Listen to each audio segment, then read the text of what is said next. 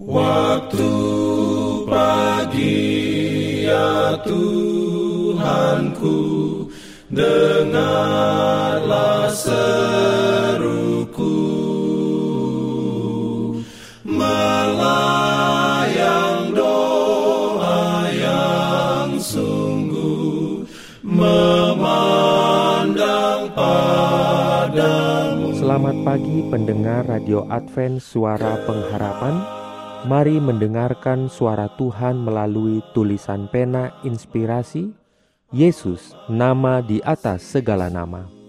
Renungan harian 28 Januari 2024 dengan judul Pemimpin Ilahi.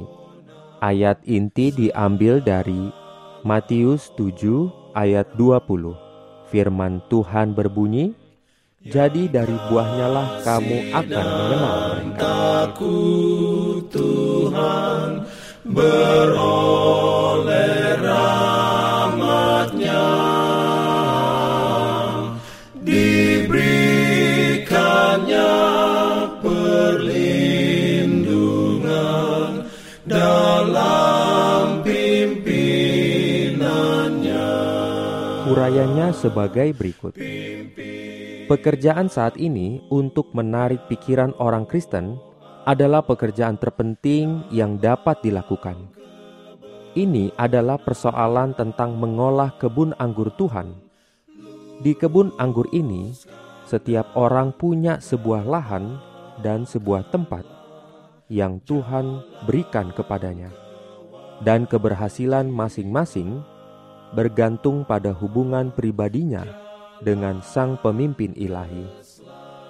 Rahmat dan kasih Tuhan kita Yesus Kristus dan hubungannya yang lembut dengan gerejanya di bumi akan dinyatakan melalui pertumbuhan pekerjaannya dan penginjilan orang-orang di banyak tempat.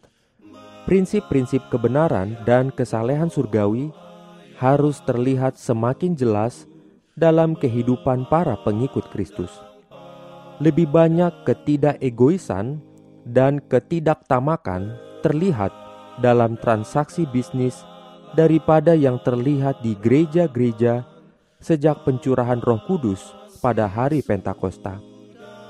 Bukan sisa-sisa dari pengaruh egoisme, melainkan monopoli duniawilah yang menyebabkan kesan yang begitu kecil di antara orang-orang yang sedang menantikan dan bekerja serta berdoa untuk kedatangan kedua kali Tuhan dan Juru Selamat kita, Yesus Kristus, di awan-awan surga dengan kuasa dan kemuliaan yang besar. Sebagai umat, kita belum siap untuk kedatangan Tuhan. Jika kita mau menutup jendela jiwa ke arah bumi dan membukanya ke arah surga, setiap institusi yang didirikan akan menjadi cahaya yang terang dan bersinar di dunia. Setiap anggota gereja, jika dia menjalankan kebenaran yang agung, luhur, dan memuliakan untuk masa ini, akan menjadi terang yang bersinar. Umat Allah tidak dapat menyenangkan Dia kecuali mereka dilengkapi dengan efisiensi Roh Kudus. Begitu murni dan benar hubungan mereka satu sama lain sehingga dengan kata-kata mereka, kasih sayang mereka, atribut mereka, mereka akan menunjukkan bahwa mereka satu dengan Kristus. Hal tersebut harus menjadi tanda dan keajaiban di dunia kita yang dengan cerdas diteruskan pada setiap lini pekerjaan.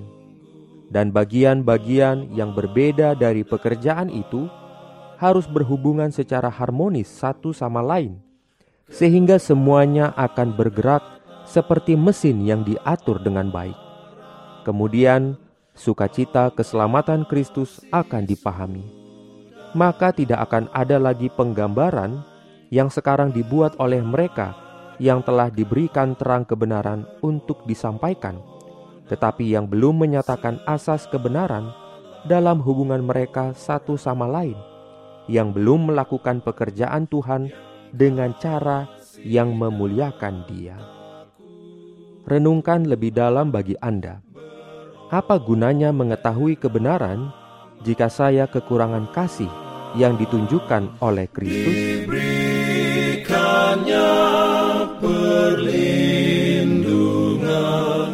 Dalam